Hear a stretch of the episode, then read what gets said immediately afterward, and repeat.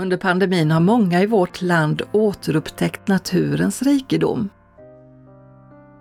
Det har varit en fristad när man inte har kunnat göra så mycket annat. Rekordmånga har sökt sig ut i naturen. Allt fler vill flytta ut från storstäderna och landsbygden verkar ha fått revansch. Man vill odla sin egen mat och ta hand om fallfärdiga hus på landet. Det har nog inte undgått någon att Moder Jord mår dåligt. Is och snötäcken i Arktis minskar i en rasande takt och vattennivåerna höjs. Ekosystemen och den biologiska mångfalden rubbas. Blomningen påverkas och antalet skadedjur och sjukdomar på växter blir fler.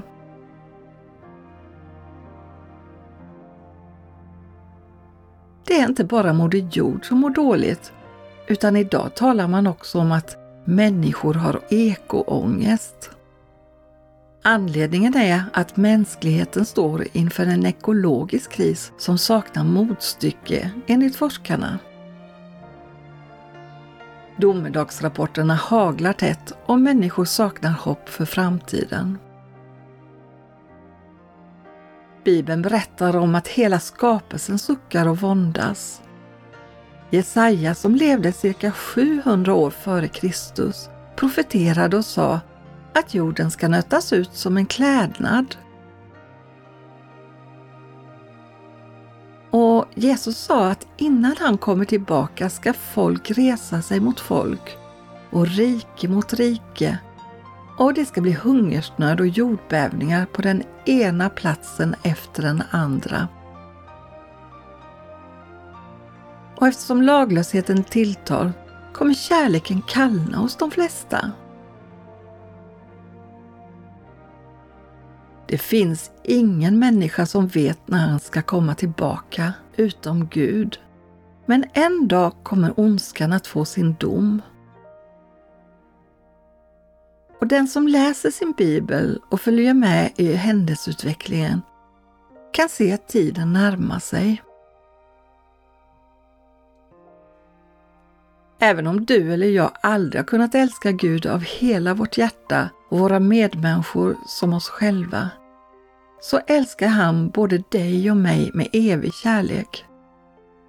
Han älskar dig och mig så mycket att han själv tog straffet för våra synder när han lät Jesus dö istället. Det finns en psalm i psalmboken. Så här står det. All din nåd är öppen famn och ditt namn en ljuvlig hamn. Vad du vill är helighet, men du är barmhärtighet. Det är både ditt och mitt hopp inför framtiden. Han är den som frikänner. Tillsammans med Jesus är framtiden ljus. Du har kanske hört ett citat som man brukar tillskriva Martin Luther. Även om jorden skulle gå under imorgon så planterar jag mitt äppelträd idag. Så länge vi lever är vi satta att förvalta Guds skapelse. Det är viktigt oavsett hur länge världen står. Det är människor i fattiga länder som drabbas hårdast av miljöförstöringen. Torka och översvämningar tvingar människor på flykt. Människor blir sjuka eller dör av kemikalier för att de måste producera billiga kläder till oss i den rika världen. Det är kärleken till vår nästa som hjälper oss att göra aktiva val. Att värna människor och miljö är ingen ny religion. Det är ett av de uppdrag vi har fått av Gud till den dag han kallar oss hem till sig. Det är kärleken till Gud och nästan och tacksamheten över Guds fantastiska skapelse som driver oss.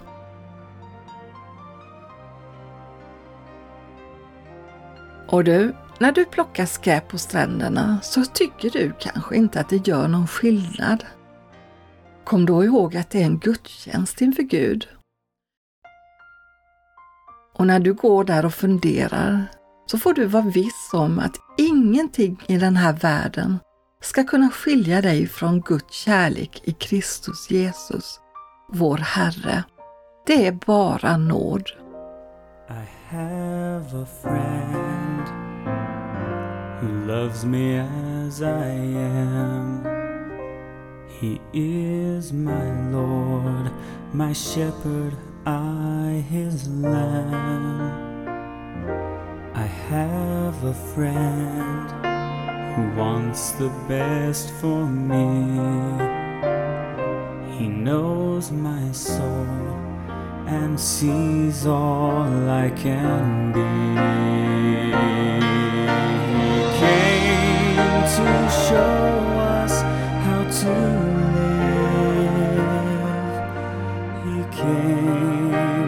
So much love to give. My friend who listens to my prayer my Savior, He is always there. I have a friend.